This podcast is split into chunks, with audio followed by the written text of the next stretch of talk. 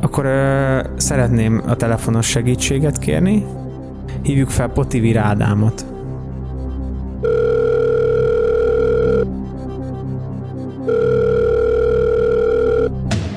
Halló? Haló? Halló? Haló? Na most halózgatunk, vagy mi lesz? Egy tudom, te hívtál. Szia Ádám, Laci vagyok. Milyen Laci? Van fogalmadról egy hány Mi óra az, van? hogy milyen Laci? A Fősporál László, akivel a podcastet csinál. Milyen podcast? A fekete technológiát, mi az, hogy milyen podcast? Ja, Flósporel a László. Szevasz, mondjad, mit Figyelj, akarsz? itt egy kvízműsorban vagyok, az a neve, hogy pénzes percek, és van egy kérdés, Aj, ne, Laci, én ne mondtam neked, hogy baj lesz belőle, hogy hogyha Szerbiából csempészed a növényvédőszert. Mondom a kérdést. M- Hogy hívják a kifejlett rovart? Laci, bazd meg, én kortanos vagyok. A. Imágó. Komolyan engem hívsz fel egy rovartani kérdésre? Jó van, az biztos nem? Csimborasszó. Az se nem. Vagy D. Subcoccinella vigintiquator punctata. Szépen beszél a tévében, légy szíves, mert édesanyám is nézi a műsort. Na? Hát, Laci, őszintén szóval fogalmam Akkor mondjál már valamit, hát De talán a B. Legyen a B. Az olyan ismerős. még a, a hívást is én fizetem. Laci, gyere inkább haza, inkább adok kölcsön. Egyébként ez hanyadik kérdés, ilyesmivel 40 milliónál szokták szopatni az embert. A második kérdés tök mindegy. Jó, figyelj, közben rákerestem, a C lesz az a csimborasszó. Csimborasszó az. Biztos. Laci, figyelj, adok pénzt, gyere haza, lebeszéljük a szerbekkel, nem lesz probléma, csak kérlek szépen, gyere haza a tévébe. Na, kösz.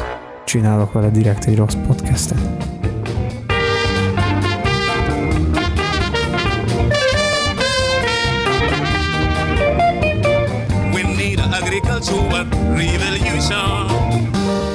Sziasztok! Ez itt a Fekete Technológia. Sziasztok! Ő volt Laci, én pedig Ádám, és a mai adásban az AI-ról, vagy emiről, vagy mesterséges intelligenciáról Miről? fogunk. Miről? Itt vagyunk mi, meg az emi. ja. A mesterséges intelligenciának, meg a informatikának a világát az utóbbi időben eléggé megbolygatta. Ez a legújabb mesterséges intelligencia, ez egyébként egy néhány hetes történet, ugye ez az OpenAI Chat GPT nevű dolog, ami gyakorlatilag egy intelligens chatbot, de hát olyan intelligens, hogy nagyon intelligens, olyan intelligens, hogy a Google-nek a vezetője, ezt nem tudom, olvastad, de hogy a Google-nek a vezetője is azt mondta, hogy ez sajnos jobb, mint a mi keresőnk, úgyhogy itt, itt, úgyhogy itt most akkor el kell kezdeni egy kicsit átvariálni az üzleti stratégiát, mert hogy hát ez működik, úgy tűnik. Én azt gondolom, hogy sokat agyaltam ezen, és szerintem így a technológia mezőgazdaságban való felhasználásának egy nagyon jó induló pontja lesz majd a mesterséges intelligencia, csak ahogy utána olvasgattam a dolgoknak, ugye mindenki egyből a legvadabb, futurisztikus dolgokat kezdi el, tudod, hogy önvezető traktor, meg vannak olyan robotok, amik felismerik, hogy például a szamóca vagy a paprika elég érette egy kamerával, és akkor azt így leszedi a robot, meg mit tudom én, volt ilyen gyomírtó, ami felismeri, hogy gyom vagy kultúrnövény, és akkor többféle koktél van benne, és csak egy így rá köp a gyomnövényre egy speciális gyomírtót, és ezzel na, lehet csökkenteni a növényvédőszer felhasználást. Csak nekem ezzel az a bajom, hogy ez egy nagyon szép dolog, meg én mindig azzal haknizok, hogy a, nem a TGV-vel kezdődött a vonat, hanem ugye ezekkel az ilyen gőzmozdonnyal, meg stb.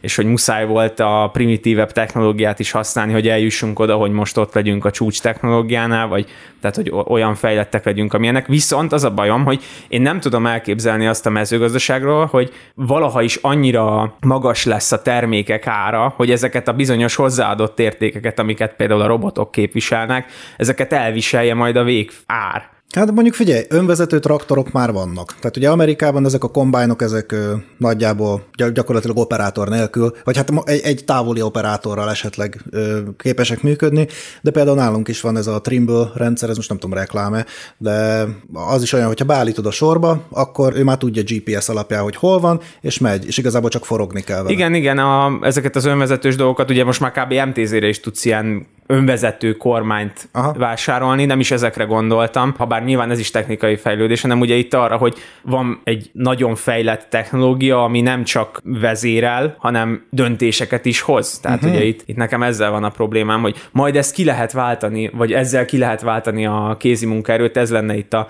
fantazmagória, de én azt gondolom, hogy mondom, sose fog ez eljönni ez az idő, mert egyszerűen nem fogja elbírni a termék, vagy bizonyos termékek el fogják bírni, ott lehet, hogy lesz ilyen váltás, vagy ilyen fejlesztés, de azt gondolom, hogy a nagy többségnél a mezőgazdaságban nem fog betörni uh-huh. annyira ez a dolog. És azért jó, hogy az AI-ról beszélünk, vagy emiről, vagy maradjunk akkor mondjuk hogy mesterséges intelligenciánál, mert ugye itt döntéshozásokra is képes. Tehát itt nem feltétlen arra kell gondolni, hogy akkor majd leszedi nekem a cseresznyét, hanem tud döntéshozatalba segíteni, hogy térképezze fel a piacot, hol van a legjobb ár, amit nekem mondjuk írdatlan kutató munka lenne, ő meg Aha. sokkal hamarabb hozzá fog férni, vagy ugye ezek hatalmas adatbázisokból tudnak dolgozni, és hozzáférhet olyan adatokhoz, amiben mondjuk segíti a növényvédelmi kérdéseimet, hogy most akkor megéri, vagy nem éri majd meg ezt a kezelést folytatnom. Ugye ehhez kellnek majd a, mez- a meteorológiai adatok, a különböző kultúráknak a sajátosságai, úgyhogy én ebben látok viszont jövőt, meg rációt, főleg úgy, hogy ugye már most is ingyenesen hozzáfértünk egy mesterséges intelligenciához, most, hogyha erre rámennek ilyen mezőgazdász, informatikus koprodukciók, akkor itt szerintem viszonylag olcsón lehet majd létrehozni olyan mesterséges intelligenciát, ami a döntéshozatalban majd segíthet. Uh-huh. Hát figyelj, én azt szoktam mondani, hogy igazából nincs drága dolog valójában a mezőgazdaságban, de valójában sehol, hanem kizárólag olyan dolog van, ami megtérül, meg ami nem térül meg. Most az, hogy ezek a embert helyettesítő robotok, amik mondjuk szednek, döntést hoznak, szemenként leszedik, leszedik a cirkot, eldöntik, hogy most éppen érés állapotban van-e már a eper vagy sem. Igazából a kérdés az, hogy van-e kézi munkaerő. Mert ha nincs, vagy olyan drágán, mint mondjuk ahogy ez a piac kezd beárazódni, meg ahogy kezd ez a piac kinézni, akkor szerintem egy ponton egészen egyszerűen a robot Hát meg fogja érni. Mert érted, ha nincsen munkaerő, akkor a robot bármennyire drága, de legalább megcsinálja. Hát igen, csak ugye itt jó lenne konkrét számokat látni, csak ugye ezek a például a szedőrobotok azok félig meddig még csak ilyen tesztüzemben vannak, talán szamócában meg termesztőberendezésekben vannak használva, szerintem külföldön akár rendszeresítve, de hogy azért itt jó lenne konkrét számokat látni, mert ha belegondolsz, biztos vagyok benne, hogy egy ilyen robotnak horror az ára, meg horror a javítása is, szoftver frissítése, stb. Tehát, hogy ehhez viszonylag kevesen értenek, és ha úgy alakított ki a termesztőberendezést, hogy kifejezetten a robotnak, az meg lehet, hogy nem feltétlen lesz kedvező utána a kézi munkaerőnek, és ha meg esetleg korrigálni kell, mert mit tudom én, áramszünet van, most egy nagyon egyszerű dolgot mondok, ami valószínűleg nem áll fönt egy ilyen helyen, de tegyük fel, hogy ez történik, és ott neked meg érik a szamóca, ami nem végtelenségig föntartható uh-huh. a növényen, akkor nem tudsz belenyúlni, korrigálni, nem tudod leszedetni, mert eleve nincs is munkaerőt, hiszen te nem tar- alkalmazol senkit, mert hogy minek, plusz folyamatosan kell egy mérnök, aki ezt kezeli. Tehát amúgy ez egy, szerintem egy, egy előre nyitott kérdés, egy előre nehéz, és ahhoz, hogy ez általánosan elterjedhessen, ahhoz mindenképpen arra lenne szükség, hogy ennek az értéke drasztikusan csökkenjen. Mert hát gondolom... Hát az ára. Hát az ára, igen. Minden esetre azért az utóbbi néhány évben azt figyelhetjük meg, hogy ezek a mesterséges intelligenciának nevezett dolgok, ezek robbanásszerű fejlődésen mentek keresztül, csak ahhoz képest is, amit mondjuk két évvel ezelőtt használtunk. Azért ezt tegyük hozzá, hogy ugye ezek valójában nem valódi mesterséges intelligenciák, tehát ugye a mesterséges intelligenciának van egy ilyen szigorú értelem értelemben vett definíciója, ami egyébként valamennyire változik időről időre, de azért van neki egy definíció, hogy a legalapabb definíció ez a Turing teszt. Tudsz-e úgy vele beszélgetni, hogy nem jössz rá, hogy egy géppel beszélgetsz. De azért csak, hogy így egy picit tágítsuk a témát, például aki esetleg figyelgette mostanában a thumbnailjeinket, meg a felhasznált grafikáinkat, azokat például kizárólag mesterséges intelligenciával csináltatjuk. Tehát ha az összes thumbnailünket, vagy a YouTube videóknak a hátterét nézitek, akkor ott én Photoshoppal utána nyilván rádolgozok, de magát az alap kreatívot, az alapképet, az például a Night Café nevű mesterséges intelligencia csinálja, ami te egy, egy sima Google fiókot, hogyha van, akkor azzal be tudsz regisztrálni, és már tudod te is csinálni őket. Azért ez is érdekes, hogy ez ennyire az átlagembernek is az eszköztárában most már ott van. Tehát nem az, hogy tudom, egyetemek kísérleti laboratóriumiban így lehet ezzel szórakozni, hanem te otthon például képes vagy vele. Aztán még néhány évvel ezelőtt volt ez az Essay Typer nevű dolog. Az hm. konkrétan az volt, hogy megadtál neki egy témát, nyilván angolul, és összeszedegette az internetről, hogy hozzá az adatokat, és írt róla neked egy eszét. Hát valami ilyesmi egyébként az is, amiről ma szó lesz. Aztán van ilyen, hogy article rewriter, szóval, hogy újraírja neked, parafrazálja, ami mondjuk egy szakdolgozat készítésnél, szintén angol nyelven, de mondjuk szakdolgozat készítésnél nem egy utolsó szempont. Egyszerűen fogsz egy szöveget, odadod neki, átírja. És van ugye a leghíresebb, vagy jelen pillanatban tudomásom szerint a leg megbízhatóbbnak kezelt fordító program, ami fun fact nem a Google-nek a fordítója, hanem a DeepL nevezetű program, amit szintén használtunk a mai adás során. Úgyhogy a mai adásban gyakorlatilag három ilyen mesterséges intelligenciának nevezett program fog szerepelni, és pedig az adás tematikánk úgy fog kinézni, hogy Lacival készültünk egymás számára szakmai kérdésekkel, ezeket a szakmai kérdéseket feltesszük egymásnak, majd megnézzük rá, hogy ez az OpenAI chat GPT mit válaszolt. Mivel, hogy ezt angol nyelven válaszolta, ezért ezt utána a DeepL fordítóprogrammal lefordítottuk, és akkor ezen fogunk végigmenni, hogy mi volt az AI-nak a meglátás az adott kérdésről, mi volt a szakembernek a meglátás az adott kérdésről. Tehát az ugye három AI, mert hogy a thumbnail is egy AI fogja csinálni, aki a mai adásban részt vesz, úgyhogy mi most már csak így vendégek vagyunk a saját műsorunkban. Hát igen. Jó, hát egy, egyébként nem vagyunk AI szakértők, úgyhogy csak egy kicsit úgy a saját gondolatainkat felvetettük a témával kapcsolatban, légy ne jöjjön senki a BM-ről, és kurjol le Hát vagy, vagy jöjjön, és akkor ja, vagy jöjjön, tényleg, hát egyébként, csak akkor, csak akkor jöjjön, aztán akkor mondja. Illetve ugye saját magáról azt állítja a, ez a chatbot, hogy tud magyarul. Hát ezzel azért volt ugye egy olyan probléma, hogy mi ezeket a kérdéseket, amikkel most itt neki fogunk szaladni, ezeket elkezdtük magyarul is föltenni neki, és az volt a kérdés, valami ilyesmi volt a kezdete, hogy javasolnád-e azt, hogy, és aztán elkezdte válaszolni, hogy igen, a Java programnyelv az... Javasolnád. Javasolnád. Ja, úgyhogy végül is angolul tettük fel neki a kérdéseket, és a DeepL-lel fordítottuk le. Hát szerintem nagyjából, nagyjából ennyi az, amit tudni kell ez a, ez a dologhoz, és akkor kezdjük hasíts bele, ahogy annó a Blade Blade című animációs animében elhangzott. Jeez. Akkor felteszem az első kérdést.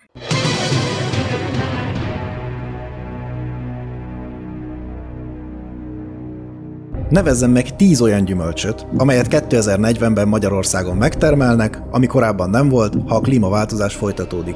Itt ugye a DeepL-nek egy kicsit a magyar talanságával futottunk össze, de a kérdés azt hiszem, hogy érthető. Abszolút.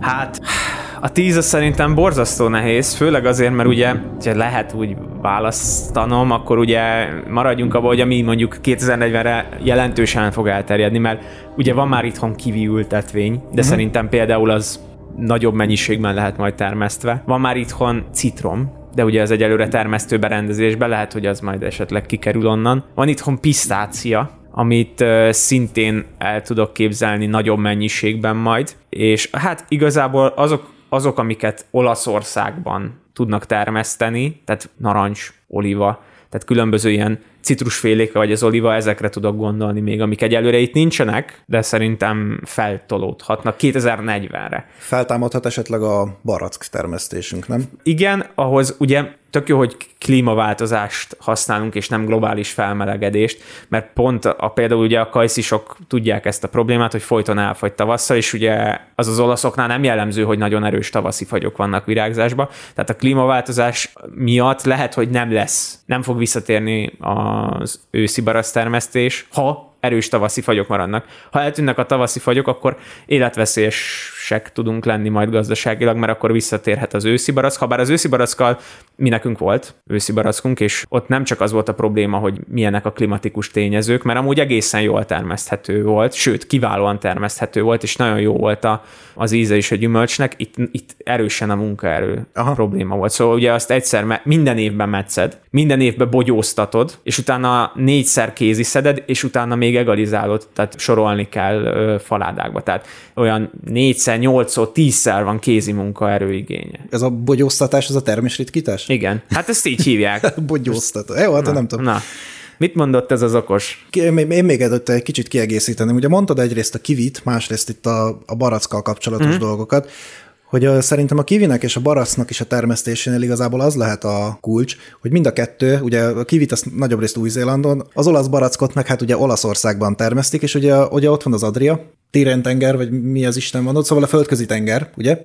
új-Zélandnak pedig ott van a, az óceán, ami körbeveszi. Azért ez egy kicsit úgy kiegyenlíti a klímát, tehát ezt a, ezeket a tavaszi fagyokat szerintem Aha. enyhíti, viszont a mi kontinentális klímánkban nincs ez, a, ez az enyhítő pufferelő hatás, úgyhogy itt azért mondjuk a tavaszi fagyok hiába melegszik az idő, azok, azok szerintem lehet, hogy megmaradhatnak, és Sajnos igen. Ez, ezzel lehet szíves. Amúgy et, szerintem ez egy érdekes gondolat lenne, hogyha például termesztőberendezéseket erőltetnénk egy picit jobban, akár ilyen állókultúráknál, például a spanyoloknál ezek nagyon durván mennek, szóval ott vannak régiók, amiken így, ha egy repülővel mész, akkor csillog az egész, mert uh-huh. így folyam tele van üvegházakkal, És az ugye az megoldás lehetne a tavaszi fagyokra, és nem kell azt egészébe fűteni, viszont ott akkor az öntözést kell rend, rendezni. Viszont hát az eső, ami leesik az üvegházra, azt gondolom, az összegyűjthető lenne. Szóval például én ezekben a termesztő berendezésekben látok jövőt, és majd nem akarok spoilerezni, de lehet, hogy lesz kérdés alanyokkal kapcsolatban is, és akkor ott ugye, hogyha erősen törpítő alanyokat használsz, akkor ezek nem fognak 65 méteres fákká nőni. Aha. Ja. ja, meg egyébként még egy gyümölcs, a kaki szilvát, azt Ah. most nagyon sokan keresik, például faiskolákban, és szerintem az is már most is egészen jól termeszgetik házikertbe, lehet, hogy ennek is lesz jövője.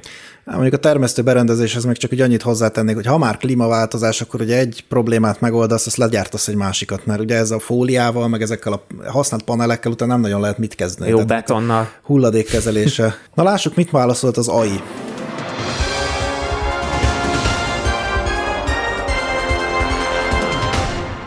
Jó, hát mindig így kezdi, nehéz biztosan megjósolni, hogy 2040-ben milyen gyümölcsöket fognak termeszteni, bla bla bla, csak védi a mundér becsületét.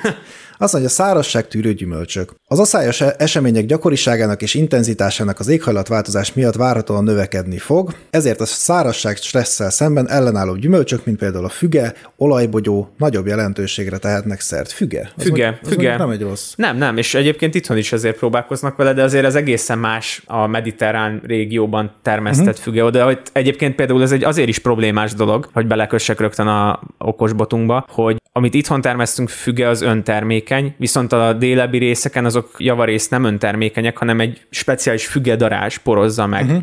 Na most akkor ide kéne hozni a fügedarazsat is, érted a problémát? Mert Aha. úgy van, hogy ott a, a porzók belül vannak, ha most mindenki elképzel egy fügét, ugye olyan, mint egy harang, és a harang nyelvéhez kéne, hogy bejusson, és hát ezek a mi ilyen kis európai méhecskeink, azok oda nem szívesen másznak be, ezért van ez a fügedarázs, Aha. aki oda befér, és porozza. Most, hogy mondod, erről hallottam is, és úgy vetődött fel a kérdés, hogy ez a fügedarázs általában ott benn el is pusztul, uh-huh. valami okból kifolyólag, és úgy, úgy, úgy vetődött fel a kérdés, hogy na most akkor vegán-e a füge? Ó, oh, Ó, ugye? tetszik. Jó, ha a magyar talanságot észleltek a válaszban, akkor az a DeepL, tehát azt is vegyétek észre, hogy így fordította le. Ez meg a mi menekülő útunk, Igen, hogyha nem mi- tudunk olvasni, akkor Illetve amit még érdemes megfigyelni, hogy ugye a Laci elkezdett mondani fajokat, itt azért máshogy fog hangzani, tehát kicsit szeret mismásolni a program. Köve most ugye azt mondta szárazságtűrő gyümölcsök, azt mondja hőtűrő gyümölcsök. A hőmérséklet további emelkedésével a magas hőmérsékletet jól tűrő gyümölcsök, mint például a datoja, avokádó alkalmasabbá válhatnak a magyarországi termesztésre. Mm. A datóját el tudom képzelni, ha bár az is, azt hiszem ott az, az ilyen Marokkó, tehát az meg olyan Aha. Afrikai már északi részén van termesztve nagyobb mennyiségben. Az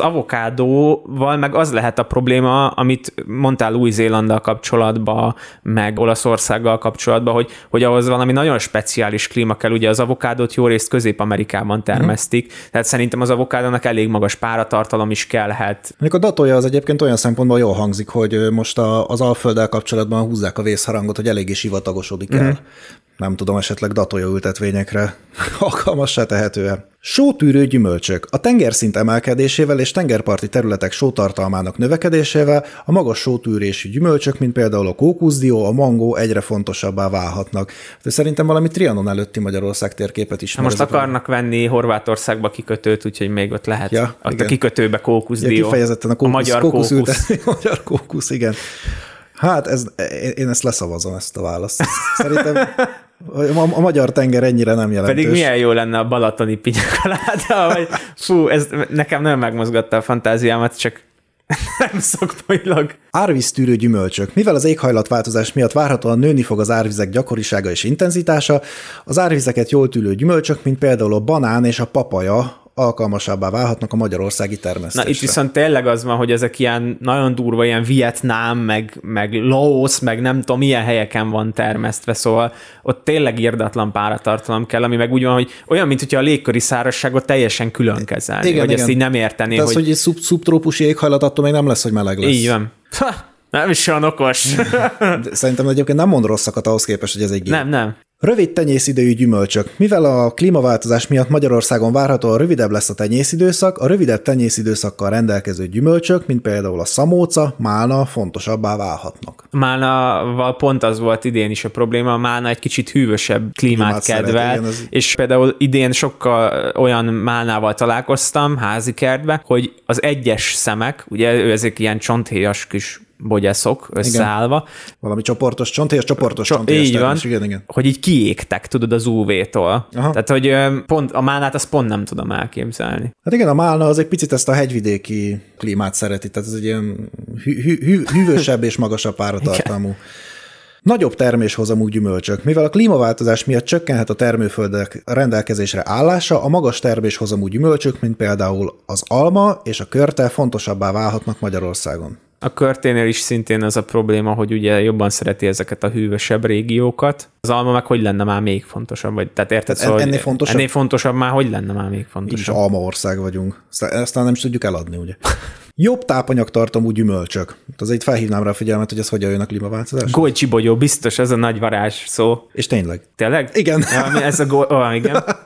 Hoppá, azt mondja, mivel egyes gyümölcsök tápanyagtartalmát befolyásolhatja az éghajlatváltozás, a jobb tápanyagtartalmú gyümölcsök, mint például az acai Akai. Akai Akai acai, bogyó? igen, az, az egy ilyen cseresznyeszerű cucc. aha, és a goji bogyók fontosabbá válhatnak Magyarországon. Hát a goji az valami izé, ördögcérnának, vagy mi a én ezt az acai vagy akait, én ezt nézegettem, mert nekem nagyon szimpi volt, csomó gyümölcslébe beleteszik, írdatlan magas a C-vitamin tartalma, uh-huh. de elképesztő speckó a termesztési körülménye, szóval, hogy így az is olyan, mint hogyha szubtrópusi lenne, tudod, hogy ez nem, nem attól fog függni, hogy uh-huh. melegebb van, vagy aszályosabb az idő. Környezeti stresszorokkal szemben fokozottan toleráns gyümölcsök. Mivel a magyarországi környezeti feltételek várhatóan egyre nagyobb kihívást jelentenek majd az éghajlatváltozás miatt, a stressztűrő tényezőkkel, például szárazsággal, a hőséggel és árvízzel szemben fokozottan toleráns gyümölcsök fontosabbá válhatnak. Nem mond ugye példát. Tehát ez így most Így most... Ez így kösz. Kö- igen.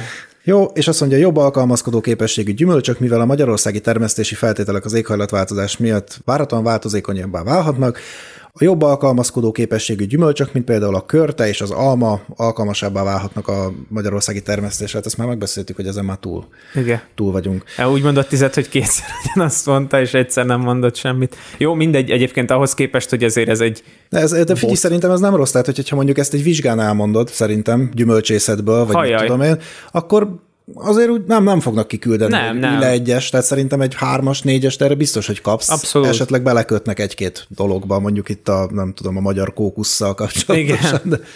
Jó, hát figyelj, szerintem, szerintem ezt az akadályt eléggé jól vette. Abszolút. adjunk neki? Én adok erre neki most eh, egy, egy kezdő kegyelem négyest, Én is, én is egy négyest azért aztán majd adok később neki. beszigorítunk. Abszolút. Na, te Fogunk jössz. is. Na, akkor az első kérdés hozzád.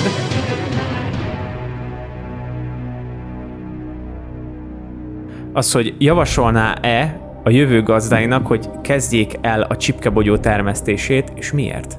Nem egyszerű ugye a kérdés, és azért is tettük föl, hogy ilyen mérlegel, mérlegelhető dolog legyen, és hogy mire jut a AI ezzel kapcsolatban. Alapvetően nem, de nem azért, mert a csipkebogyó nem, nem egy jól termeszthető gyümölcs, hanem nagyon sokan gyümölcs támogatás miatt, meg, meg ilyen egyéb okokból kifolyólag kezdenek neki a termesztésének, és hát ennek megfelelően utána nem is csinálnak tápanyag utánpótlást, nem csinálnak kellő növényvédelmet, agrotechnikát hozzá, tehát ugye ezt ilyen megúszósra akarják venni, és ezért telepítik el. Aki viszont meg úgy gondolkodik, hogy hát én gyümölcs, gyü- gyümölcsészetet akarok építeni, mert akarok növényvédelmet, akarok tápanyag utánpótlást, akarok agrotechnikát, azért meg gyümölcsészet szempontból meg az embernek nem az első dolog, ami eszébe jut, az a csipkebogyó. Úgyhogy én első körben inkább azt mondanám, hogy, hogy nem, mert baromi macerás, nincs igazából készen a termesztés technológiája, tehát most oké, hogy én például már tudok csipkebogyót termeszteni, mert csinálom már hat éve, de azt nem fogod elolvasni sehol, tehát ne- nem tudsz utána menni, hmm. nem tudsz igazából nekilátni, nincsenek ilyen jó agrokultúra gyakorlatok kitalálva, egy csomó olyan szívás van, mivel az ember például nem is gondolkodik, hogy mit tudom, ez a csipkeszösz, az így a torkodat, a tüdődet, mind, az orrodat, mindent szétkapar. Annyi, hogy egyébként egy jól termeszthető növény, és a szárazságot azt kifejezetten jól tűri, de hogy, hogyha itt most nekem valakinek javasolnom kellene, hogy nekiálljon a csipkebogyónak, akkor én azt mondom, hogy ezt nagyon gondolja át. Hát igen, meg gyakorlatilag csak feldolgozott termékként tudod értékesíteni, és nem mondom, hogy telített a piac, de azért foglalkozgatnak vele páran. Tehát Hát igen, meg ugye csak bióban. Tehát ez egy érthető okokból kifolyólag, szóval a biót én azért szoktam szidni, mert nagyon sok esetben öncélúnak érzem, de azért ami gyógyszer alapanyag lesz, ott azért érthető a bió, mert ott aztán tényleg a legkisebb szermaradék is, hogy, hogyha bármiféle más gyógyszeri alapanyaggal összerakod, az már ott csinálhat valami kontraindikációt, egymással valami reakcióba léphetnek, amit te nem akarsz. Tehát ilyen szempontból, ilyen peszticid szempontból tényleg vegytisztának, szó szerint vegytisztának kell lennie egy, egy gyógyszer alapanyagnak.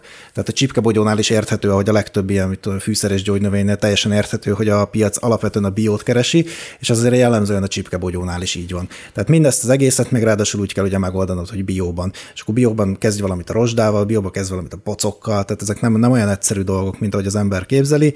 Mit mond? Mit mond az AI?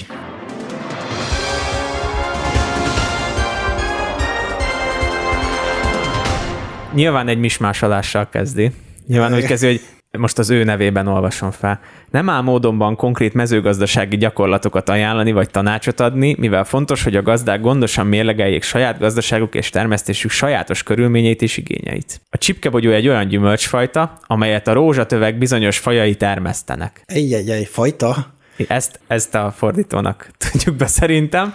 Én közben átkattintok a és nézem az angol eredetit, az biztos, hogy nem így fogalmaz, igen. Vitaminokban és ásványi anyagokban gazdag, és a hagyományos gyógyászatban és táplálékkiegészítőként is használják. Köszönjük szépen, nem ez volt a kérdés. Igen. Egyesek számára értékes termesztett növény lehet, de fontos, hogy a gazdálkodók gondosan mérlegeljék bármilyen növény termesztésének megvalósíthatóságát és potenciális jövedelmezőségét, beleértve a csipkebogyót is. Amúgy fantasztikus, tehát annyiból nagyon jó, hogy ezzel komoly szakdoga karaktereket tudsz gyűjteni. Abszolút. Meg, ne, ne viccelj, ideig nem sok egy, minden hangzott el. Ezt egy ember mondaná, én simán elhinném, hogy oké, okay, ennek fogalma sincsen róla. Igen. Ez egy fal duma, a saját segét védi, kész. Tehát Turing teszten simán átmenne nekem ezzel zseni, egyébként. Zseni. Figyelembe veendő tényezők közé tartozhat a helyi piaci kereslet, az éghajlati és talajviszonyok, a kártevők és betegségek okozta nyomás, mondjuk ezt te is említetted, illetve a megfelelő fajták elérhetősége. Ezt mi privát beszélgetésben megbeszéltük, te ezt sokszor említed nekem, hogy nem igazán vannak elérhető fajták, vagy így nehéz erről. Hát szerintem ezt még nem is privátban, már itt is mondtam, hogy Aha. persze van ugye a, a mindenki által ismert narancsárga Bernát Jenőkönyv, ahol le vannak írva, hogy elméletileg milyen fajták vannak, gyakorlatilag ezeket a piacon nem igazán lehet egyébként beszerezni, és most csipkebogyóról is, mit tudom, van az Inermis fajta, azt hiszem, hogy így tök jó, nem tudod beszerezni, mert így nincs, aki előállítaná, hiszen uh-huh. nem keresik olyan mennyiségben, hogy valaki erre így rája, hogy jó, akkor én most izé Igen. csipke. Nem, ezek általában rózsa alanyok. És akkor a vége tördöfés. Kegyelemdöfés. A gazdálkodóknak mindig jó ötlet, ha a gazdaságuk sajátos igényei és körülményei alapján kutatnak és gondosan megtervezik a növényválasztást. Hát amúgy ezt kb. háromszor vagy négyszer is elmondja, hogy azért jó gondold meg. Igen, igen. Gondold meg. Hát valószínűleg nem tud mit írni. Én egyébként azt figyeltem meg, hogy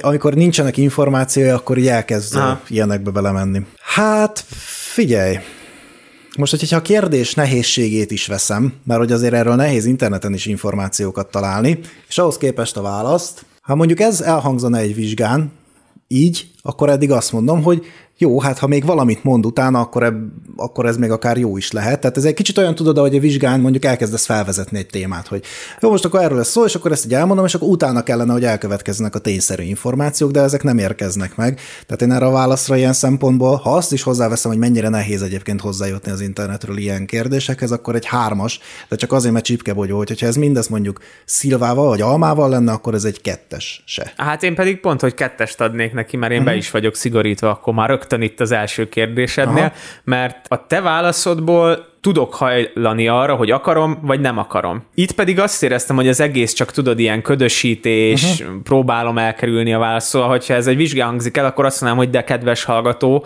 akkor most igen vagy nem. Akár nálad se hangoztak el konkrétan annyira konkrét adatok, vagy annyira meggyőző érvek, hogy csináljam vagy ne, de mégis el tudtam dönteni, hogy át, akkor valóban nem annyira érdemes most ebbe esetleg belekezdeni. Tehát azért nem tudom ettől egy, fok, egy fokkal konkrétabb választ vártam volna. Uh-huh. Hát, vagy kettővel. Vagy szóval kettővel. ez egy kicsit ilyen, ilyen ködösítős volt. Igen. Most megint én leszek pellengére állítva? Most te jössz. Félek.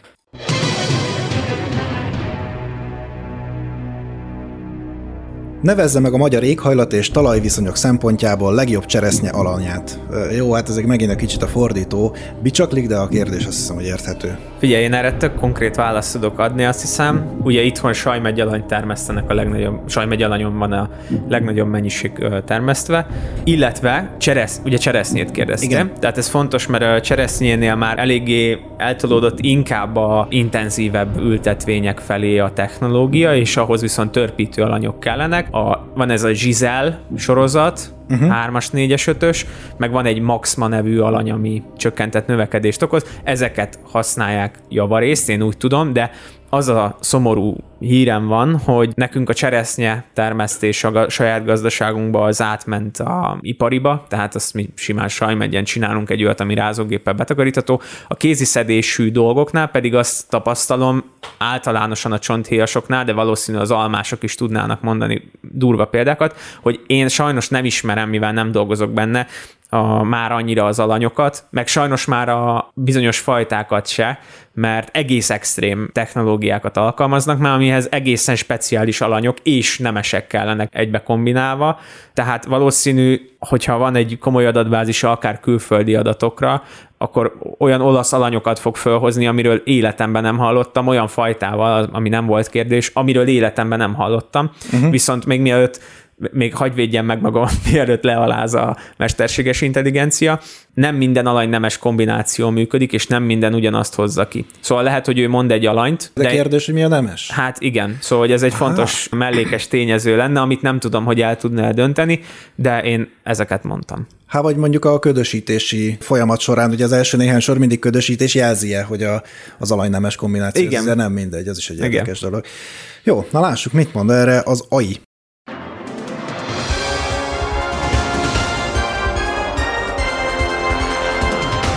Kezdődik, ugye? Hát én honnan tudjam én azt? De kiváló szaktanácsadó lenne szerintem belőle, vagy egy nagyon jó hallgató. Nehéz meghatározni a magyar éghajlat és talajviszonyok szempontjából legjobb cseresznye alanyát, a termőhelyre és az alanyra oltandó konkrét cseresznyefajtára vonatkozó pontosabb információk nélkül. Hoppá, hát ez azért nagyjából az, amit mondasz, nem?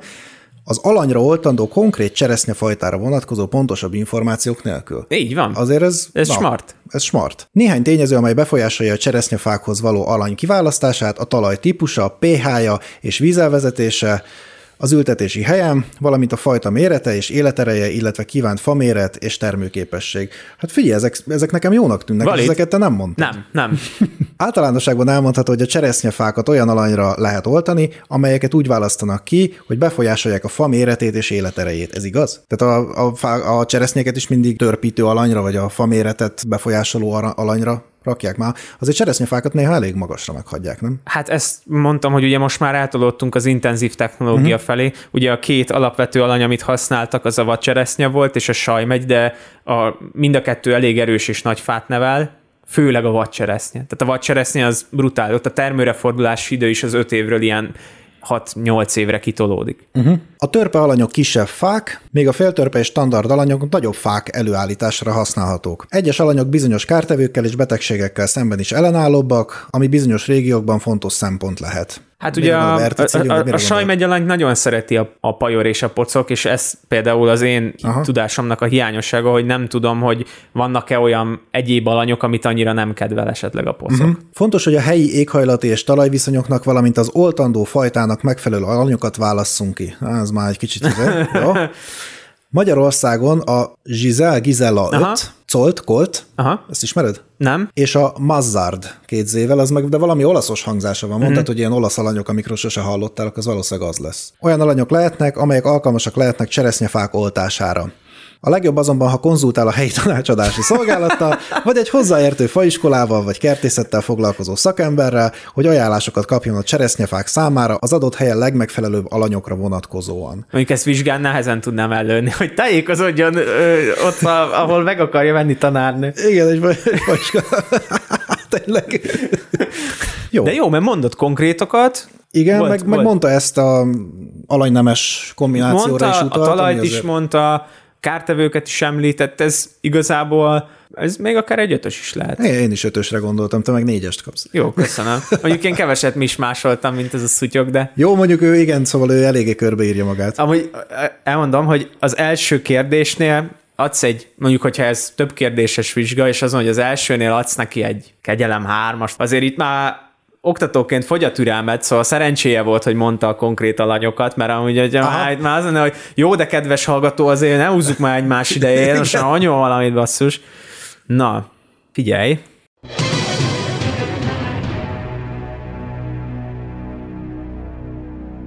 Melyek a legveszélyesebb növénypatogén vírus nemzetségek és fajok? Jó, ez azért így elég durván hangzik így egybe az egész. Szerintem azért nem rossz, mert hogy mondjam, van benne valamennyi szubjektív látásmód is, és érdekes, hogy én meg, a, meg az AI mire jutunk legveszélyesebb növénypatogén vírus nemzetség az egyébként nagyjából konszenzusosan a boti vírusok. Ebben nagyon nincs vita, úgy tudom, a virológusok, vagy hát a növényvirológusok között. Hát az, hogy melyik a legveszélyesebb faj, az már ugye egy érdekes kérdés, mert bár a legveszélyesebb nemzetség a poti vírusok, a poti vírusokra, most csak egy párat így felidézek magamban, eléggé sok olyan van, amelyik nem kifejezetten polifák, szóval a, a gazdanövényeinek a száma nem kimagasló, hanem mondjuk egy-egy családot, egy-egy nemzetséget támadnak meg ami azért ilyen szempontból a jelentőségüket csökkenti. Tehát az ő jelentőségüket, mint nemzetség az adja, hogy mi, majdnem mindenre van egy potivírus, és a potivírusok majdnem minden esetben komoly gazdasági kárt okoznak. De maguk a potivírus fajok, azok általában azért valamennyire specializálódnak egy-egy növénycsoportra.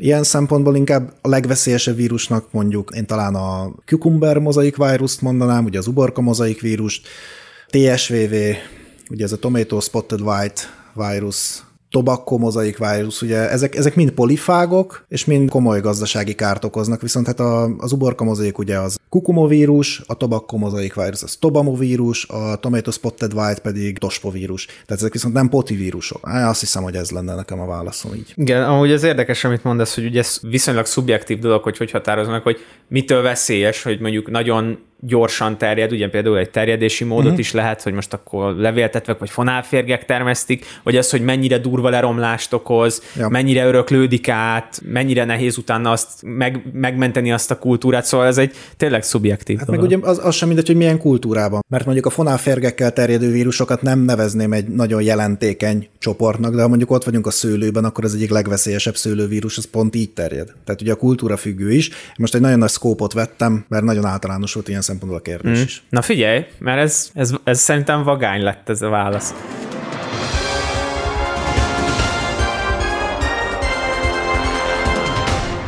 Számos növénypatogén vírus létezik, amelyek komoly károkat okozhatnak a terményekben és más növényekben. Oh. A legveszélyesebb növénypatogén vírus nemzetség közé tartoznak a következők, poti vírusok, Nagyon és ezt írta.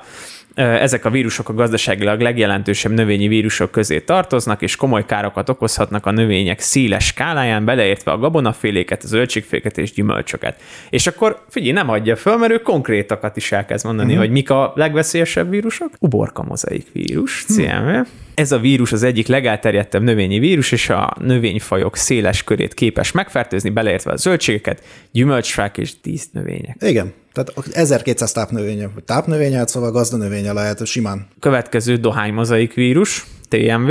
Ez a vírus az egyik legelterjedtebb növényi vírus, és a növényfajok széles körét képes megfertőzni, beleértve a dohányt, a paradicsomot, a paprikát és számos más zöldségfélét. Adom, és ugye ezekkel az a probléma, hogy az, azért jó a válasz, mert ugye a paradicsom, paprika ez egy-egy kultúra, viszont ezek tök jelentős kultúrák, tehát ez egy, ez egy jó felfogás szerintem, hogyha ez alapján veszi ezt veszélyesnek. Paradicsom sárga levélfodrosodásának vírusa. Tomato Yellows Leaf Curl Virus. Ja, TYLCV.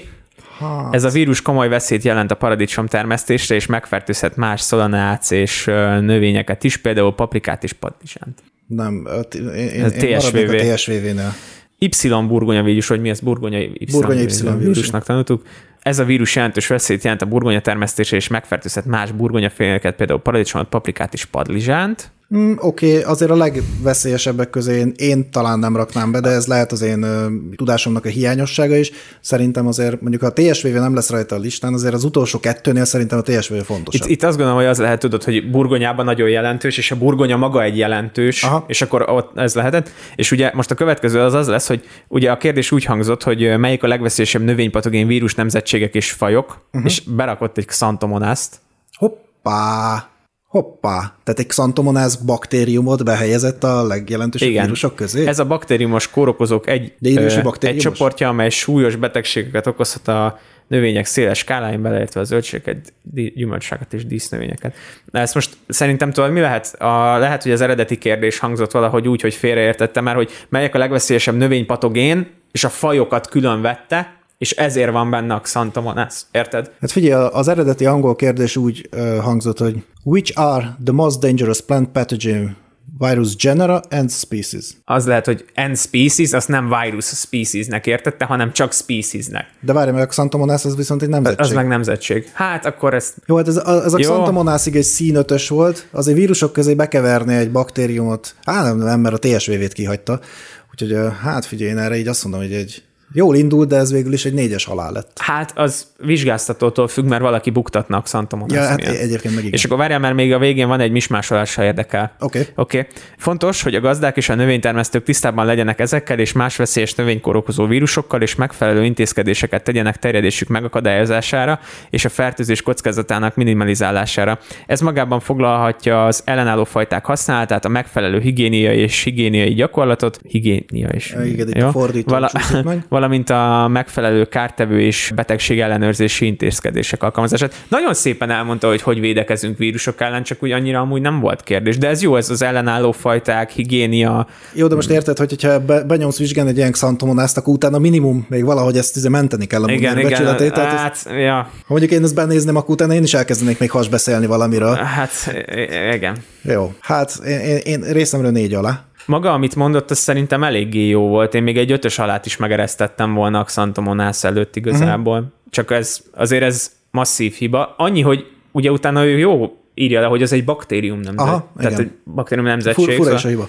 Ja, én azt gondolom, hogy itt egy ilyen félreértés van, ez, ez korrigálható lesz majd később, vagy egy komolyabb AI ezt Mhm. szerintem simán, simán megugorja ezt a feladatot. Ez, ez, ez kemény volt. Ja, meg hát azért, tehát hogy mondjam, ez nem egy növényvédelemre optimalizált program. Hát szomorú is. De, de, de, Miért de nem? Ez alapvetően egy chatbot, szóval most úgy, úgy kérdezgetjük, hogy egyébként nem erre van kitalálva, ahhoz képest azért ez nem rossz. Hú, hát ez egy eléggé rideg kérdés, ezt, Neki e, e, ezt azért vizsgán se szí- szívesen húznám ki. A gerbera. Hú, attól rettegtem meg a zöld, zöld területek növényvédelme. Ú, igen, és, és ez mind a kettő államvizsgatétel Ja, volt. és hogy itt kihúzol ugye egy szilvát, és akkor hát az egy behatárolható dolog, a zöld terület növényvédelme, meg lehet platán, meg tuja, meg mindenféle bokor, na mindegy. De Igen. Fű, kész. Fű.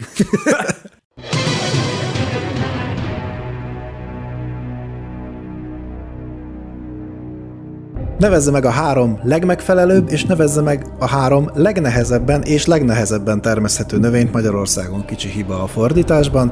Tehát akkor ugye a három legjobb és a három legrosszabban termeszthető növény Magyarországon. Mm, Ez is amúgy borzasztóan szubjektív, hogy én is így megvédjem magamat, mert például ugye a nehézség az lehet az, hogy maga a termesztés technológiája nehéz, vagy nincs kidolgozva, mint a csipkebogyónál, de az is lehet, hogy olyan kézi munkaerőigényes, mint az egres volt, vagy piszke, vagy köszméte, ugye az official name, mm. hogy a köszméte az például azért szorult ki, mert egyszerűen embert nem találtál, aki ezt a szúrós vackot abba, abba turkálni akar, meg utána meg ugye azt kb. pektinnek használták föl, tehát nem is a friss fogyasztási felhasználás volt a legnagyobb, hanem az ipari. Aha. Hát figyelj, amik ilyen könnyen termeszthetőek, meg működnek, és akkor ne vegyük a, vagy tehát a, a, a gépi felhasználásnak a rendelkezésre állását, az mondjuk a gabonák, tehát mondjuk a, mondjuk a búza konkrétan, ez viszonylag szerintem könnyen termeszthető, ha megfelelő talajok vannak, meg megvannak a gépeid, szóval ez egy tök nehéz kérdés, kíváncsi vagyok, hogy mit fog rá mondani. Mo- próbálok minden kultúrában mondani egyet, mondjuk egy almát is viszonylag egyszerűen lehet termeszteni, vagy egy cseresznyét, az még ott a növényvédelem is, mondjuk legyen a cseresznye, tehát ott még a növényvédelem sem életveszélyes. Zöldségeknél meg mondjuk házi kertben például borzasztó egyszerű egy salátát megcsinálni, sőt biztos is, hogy ugye nagyobb kultúrákban már nehezebb, de így a zöldségféléknek is a, a legtöbbje ilyen viszonylag egyszerűen termeszthető. Amik szerintem baromi nehezek, az, azok azok a bogyósok, amiknek nem igazán alkalmas ugye a, a hazai körülmények a termesztésre. Amit tudok, hogy baromi nehéz elvileg megcsinálni a gesztenye, van egy baktériumos betegsége, amit az őzek terjesztenek, és ugye csak Őzek? Igen, ahogy tudod, Azt a- ott dörzsöli a, a szarvát, amikor nő a szarva, és hát a szarvasok, bocsánat, és akkor úgy egyik fáról viszi a másikra, és ugye ez csak savanyú talajon, tehát a szelidgesztén csak savanyú talajon lehet, úgyhogy szerintem az biztos, hogy körülményes. Betakarítás szempontjából borzasztóan körülményes mondjuk egy homoktöv is, azt meg ugye le kell az egészet vágni, és akkor hűtőházba a lánckesztyűvel kell lebogyózni, tehát De várj, mert akkor mondjuk azt mondod, hogy Magyarországon, a, mert a homoktöv is az egyébként Magyarországon jól termeszthető. Aha. Tehát akkor inkább azt mondod, hogy a, mondjuk a magyarországi általános infrastruktúrális fejlettség nem olyan, ami mondjuk egy, ami hát, mondjuk egy homoktöv is. Mondjuk, vagy nagy beruházási költség, vagy nagy, nagy energiafelhasználással Aha. jutsz oda, hogy vége legyen, vagy tehát, hogy, hogy abból késztermék legyen, de azért nehéz belegondolni abba, hogy mi a három legnehezebb, mert ugye most már csinálnak itthon kivit, amit nyilván borzasztó nehéz, vagy tök nehéz például a kajszit megcsinálni, ha olyan év van, uh-huh. akkor mondanám mondjuk a kajszit, mert az nehéz, vagy egy őszi barackot, ami le tud fagyni, érted? És nagy, például az őszi barackban, ugye, ahogy beszéltük is, nagy kézi munkaerő igénye is van, de nagyon nehéz a maga a növényfajnak pusztán a termesztését tekinteni, vagy hát a ökológiai alkalmazkodó képességét tekinteni, és nehéz nem belevinni azt, hogy technológiailag mennyire nehéz azt termeszteni. Hát igen, meg ugye ezt az alsó határ, ebben azért, azért sok a szubjektivitás, mert ugye baromi nehéz mondjuk a Magyarországon, nem tudom, ilyen sarkizuzmót, meg kókuszdiót, ha már ma Na. szóba került, termeszteni, hát olyannyira, hogy nem is nagyon lehet. De most azért az, hogy valamit nehéz, és hogy nem lehet, tehát hogy Igen, itt azért igen. nehéz Vagy- megtalálni ezt a mesdjét, hogy, hogy ne hülyese, vagy ne ilyen ne, ne, ne tegye, jöjjél ki belőle rosszul, vagy például érted, ha belem azt mondom, hogy, hogy a burgonyát könnyű termeszteni, hiszen a termesztés technológia szakkumpak rendelkezésre áll, és a növényvédelmet is tudjuk. Hát igen, csak ugye öntözni kell, uh-huh. még nem a szájos évben is öntözni kell, elég vad betegségei vannak, és ott van az a dög burgonya bogár, amivel még mindig azért megy a hadakozás. Tehát vagy nehéznek veszem, mert egyébként precíz technológiai hozzáállás kell, viszont lehet könnyűnek is venni, hiszen ezek viszont rendelkezésre állnak, nem úgy, mint a csipkebogyónál, amit te említettél, uh-huh. hogy ne, egyszerűen nem tudod, hogy mit kell csinálni. Azt hittem egyébként a nehéznél a repcét fogod mondani, mint a Hát jó öreg veszőparipádat, mert ott meg ugye az van, hogy a repcét lehet termeszteni Magyarországon, csak nincs hozzá növényvédőszer. Igen. Na lássuk, mit mond az AI.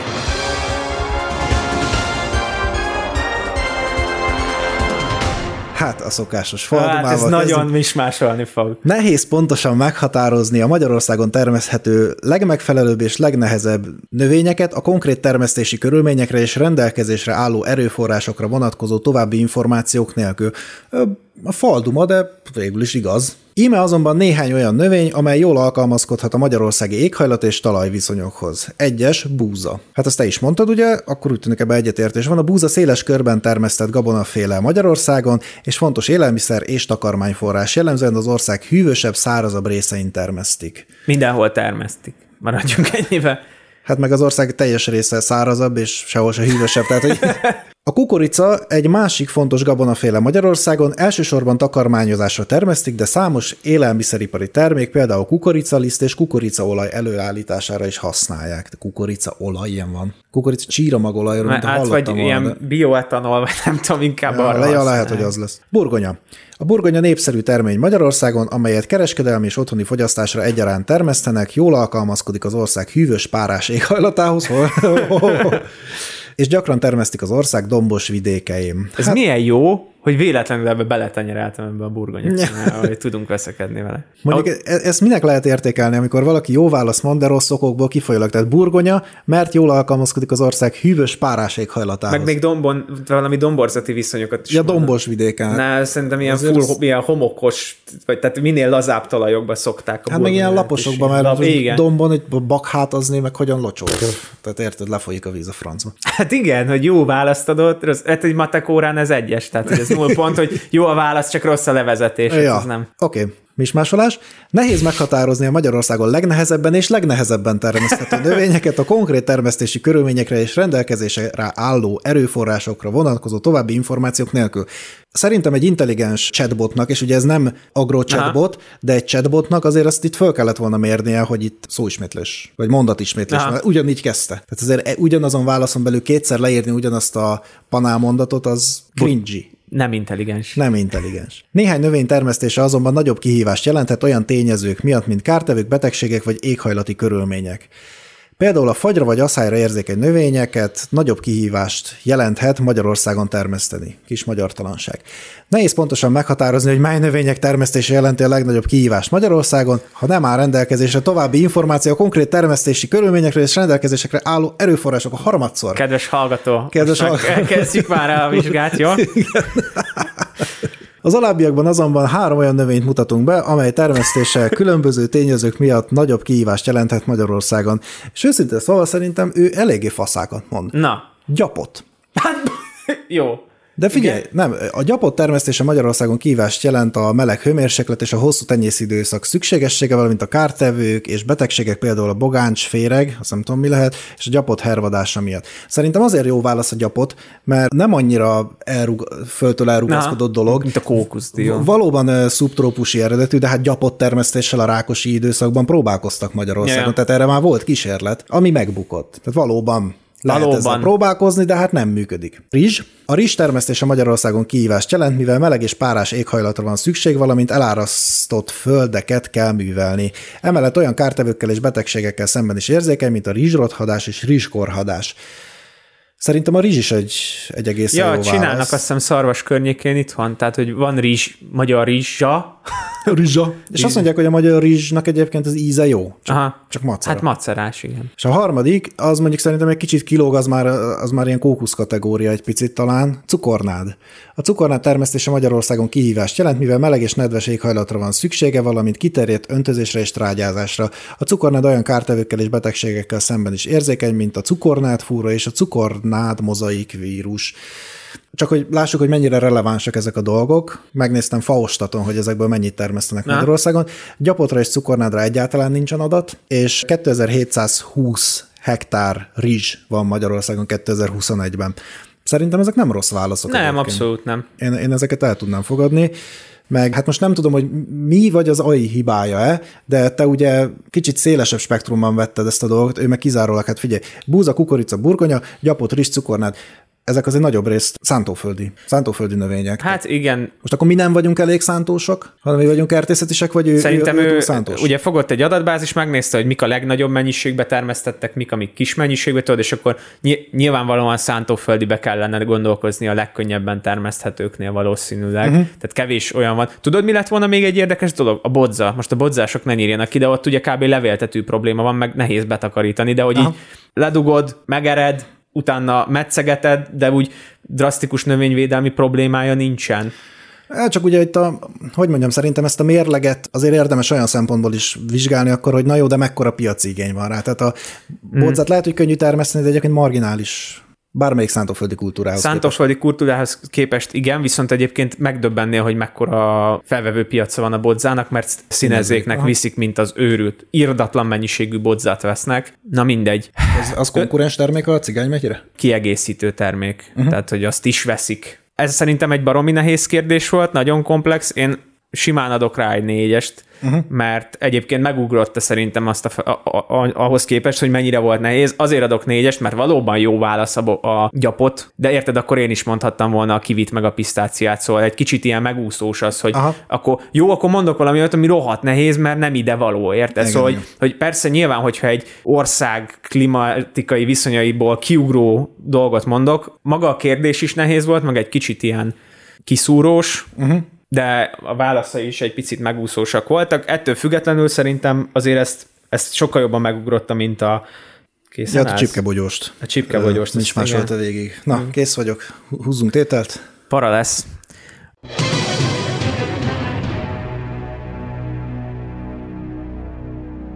Az ökológiai ültetvényemben masszív pocok Mikrotus arvalis fertőzés van. Kérem, nevezzem meg minimum 10 megoldást. Jó, mondjál egy-két dolgot. Van egy-kettőt, jó?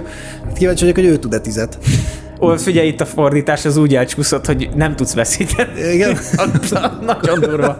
Fasza. Jó, hát ugye az, hogy ökológiai ültetvény, az azt jelenti, hogy akkor én most nem fogok tudni használni rodenticidet. Hollandiában van egy ilyen nagyon extra dolog, hogy árasztásos művelés, ugye ott nagyon nagyok a síkságok, pockos területet egyszerűen izé leárasztják vízzel, az lemegy a járatokba, pockok megfulladnak, cut, end of story. Nyilván a ragadozó madaraknak a támogatása, téfa, kihelyezés, kevésbé köztudott tény, de például a gólya nagyon szereti a pockot, tehát hogyha a gólya van a területen, és izé az, az, az szépen szedegeti össze a pockot. Tövis szúrógébics is ö, szedegeti össze. És Ez az, a, nagyon vagány. az a rózsában egyébként kemény, mert ugye a rózsávnak a tüskére rá is szúrja. Ez egy metálmadár. Igen, és ilyen torzókat hagyott. De hát mondjuk ezt egy darabnak tudnám venni, tehát a ragadozók, ragadozó Igen, madaraknak mert hát a a rókák is támogatása. végül is, tehát ez általánosan ragadozó. Igen, csak őket nem tudod támogatni. Tehát Igen, amit igen. aktívan tudsz tenni, ragadozó madarak támogatása, mondjuk kihelyezni itatókat, Na. meg, meg téfákat, mondjuk akkor ez így kettő. Van ilyen technológia a pocok ellen, ezt egy német cucc, ez Fangvane, így nevezik, fogókád, hogy ez egy ilyen egyirányú ajtó, pocok egyik irányból bemegy, és aztán ben van ebben a Fangvanéban, és már kijönni nem tud belőle, viszont ez fölülről nyitott. És a ragadozók odaszoknak. Ah. És akkor ben van a csali, bemegy a pocok, kimenni nem tud, de a kádból fölülről a ragadozók ki tudják hangzik. szedegetni. Ez egyébként smart, csak ezzel az a probléma, hogy egyrészt ezt a fangvanét megcsinálni nem annyira nagyon egyszerű, illetve ha nem lekerített a területed, akkor biztos, hogy valaki jön és ezt a szedegeti őket. Akkor ez három. Van ilyen is, ami az mondjuk szintén lekerített terület kell, hogy a kerítésnek az alsó 50 centiméterét, meg mondjuk a föld alatti 20-at, egész egyszerűen felhúzol egy gátat, egy barikádot kész, tehát mit tudom én, fémlemez, vagy beton, vagy akármi, tehát a, a területnek a szélére olyan fizikai akadályt helyezel, amit nem tud átjönni a pocok. Ezt egyébként ilyen bakelit lapokból, vagy ilyen izé, gumilapokból, vagy mit tudom én, ezt is csinálták. Sőt, a kettőnek a kombinációja is van, hogy a kerítés mellé helyeztek ilyen hosszú fangvanét, hogy, hogy bemenni be tudott a pocok, aztán ott a kerítés mellett ugye ott ragadt, Aha. És akkor oda kezdtek el járni rá a ragadozók. Egy negyedik megoldásnak jó lehet, de baromi drága. Tehát ez gondolj bele, hogy egy ilyet kerítés mellé mentén ezt megcsinálni. Rámegy a traktoros, már, már cseszted az egészet, tehát bonyolult. Vannak repellens és attraktáns szagok, amiket szeret a pocok. Van is ennek szakirodalma, és utána néztem. Ugye a biológiai védekezni pocok ellen, ez egy baromi bonyolult dolog, szóval erre most nekem azért vannak ilyen készválaszaim, ennek nagyon komolyan utána néztem. A malátának, a maltolnak az illatára, vaníliának az illatára például elvileg megy a pocok, fekete borsnak az illata pedig azt hiszem taszítja. Uh-huh. Én próbálkoztam malátával kísérletezni. Hát szereztem be rendes sörmalátát, kiraktam a területen, fölé helyeztem vadkamerát, és néztem, hogy ilyen választásos kísérlet, hogy egyikben kukoricadara volt, a másikban pedig maláta. És nem kellett neki a maláta érdekes módon, a kukoricadarára ment rá. Ez egy abstinens pocok volt. Ja, abstinens, hát vagy rossz ízlésű, kuk- kukoricás. Úgyhogy nem kellett neki. Én még azon gondolkodtam egyébként, hogy ilyen kis kombinációkban, hogyha mondjuk ezt a vaníliás maltolos illatot szereti, akkor mondjuk a, egy valami ilyen illatanyagot elhelyezek a téfák környékére, mm. tudod, akkor oda gyűlik, és akkor jobban összeszedegeti, de mondjuk egy egész ültetvényt hogyan tudok én Bevaníliázni? bevaníliázni, vagy hát vagy ö, be fekete borsozni, ugye, hogy, hogy ne jöjjön be, az lenne a legjobb. Milyen probléma lehet egy vanília ültetvénybe a pocok? Sőt, a vaníliát azt hiszem általában a borssal együtt termesztik, na ugyanúgy futtatják. Most gondold el, pocok ott a teljes egzisztenciális krízisben. Menjek vagy maradjak, mi legyen? Talajlazítás. Talán ezzel kellett volna kezdeni, ez a leglogikusabb. A pocok nem szereti, hogyha zargatják. Úgyhogy egy jó talajlazítózással lehet ellene. Hát nem tudom, ez most mondjuk 5, hát nem 10, de mondjuk ezek vannak. Oké. Okay. Jaj. Aki majd esetleg megszól minket, hogy röhögünk a béna fordításon, annak üzenem, hogy Karinti is az így írtok, ti belpoénkodott Adival, hogy ide-oda fordítgatta a cuccait, és akkor, hogy abból mi lett, szóval bocsánat előre is azon, hogy mi ezen fogunk röhögni.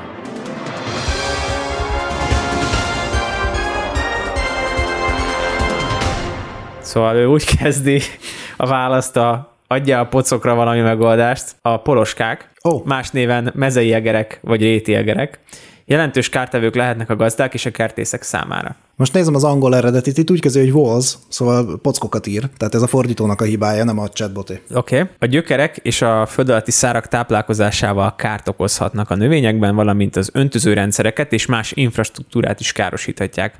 Ha ökológiai ültetvényén egerészői fertőzést tapasztal, Egerész őve fertőzés?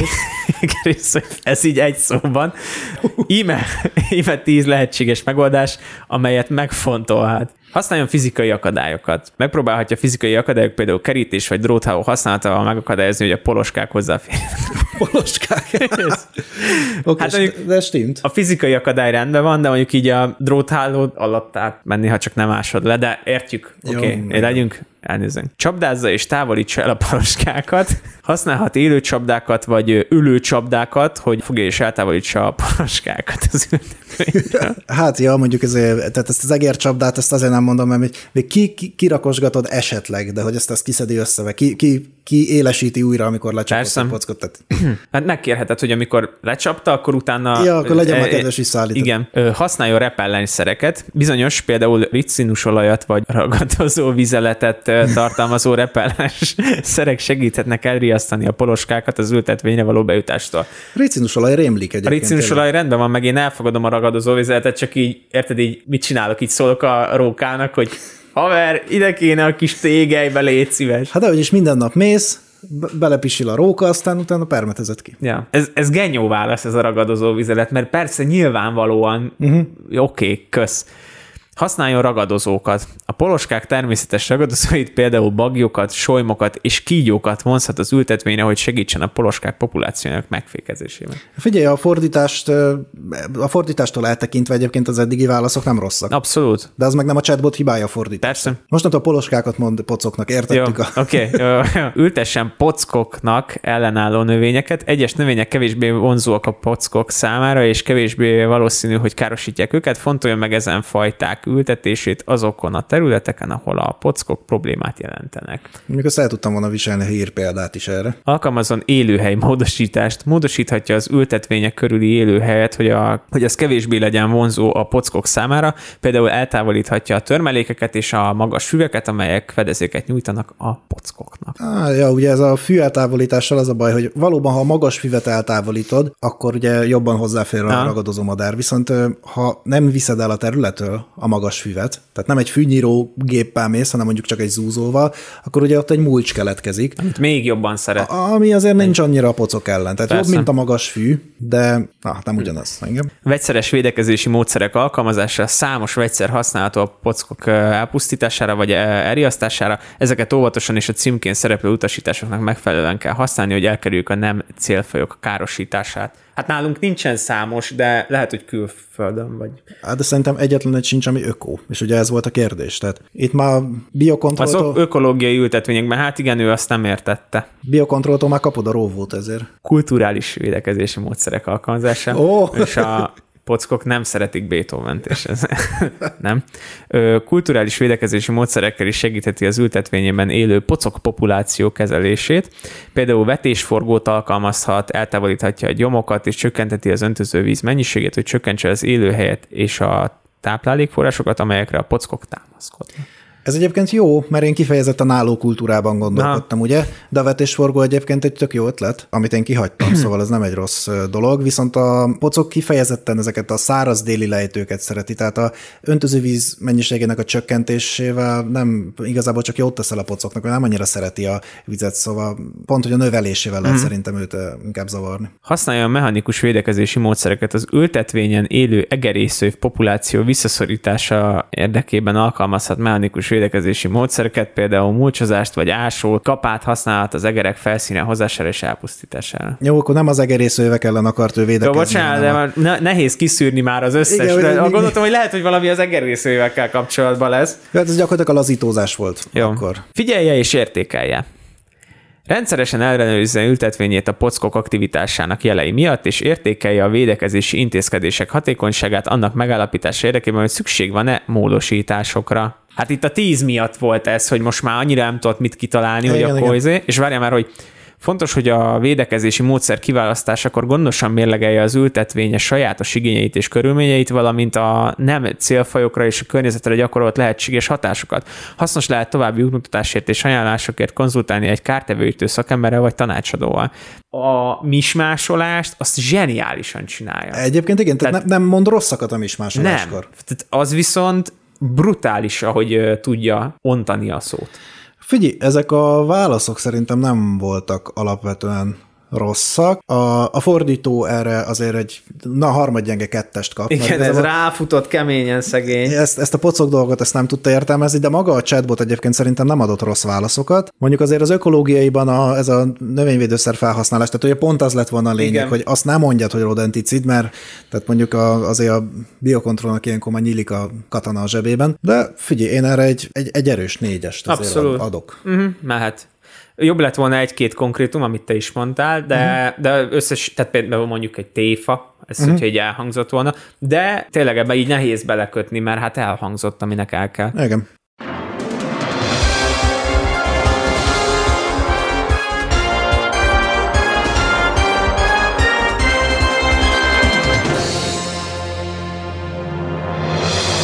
Hát és akkor zárásképpen egy picit elmélkedjünk már el ezzel, hogy ilyen körülmények között hogy most 2022-ben az AI így néz ki, és ha csak az utolsó két évet vesszük, hogy ez mennyit fejlődött, akkor akár csak 2025-öt nézzük, hol fog tartani majd ez a technológia. Van-e ma még egyáltalán értelme mondjuk szakdolgozat írással szarakodni?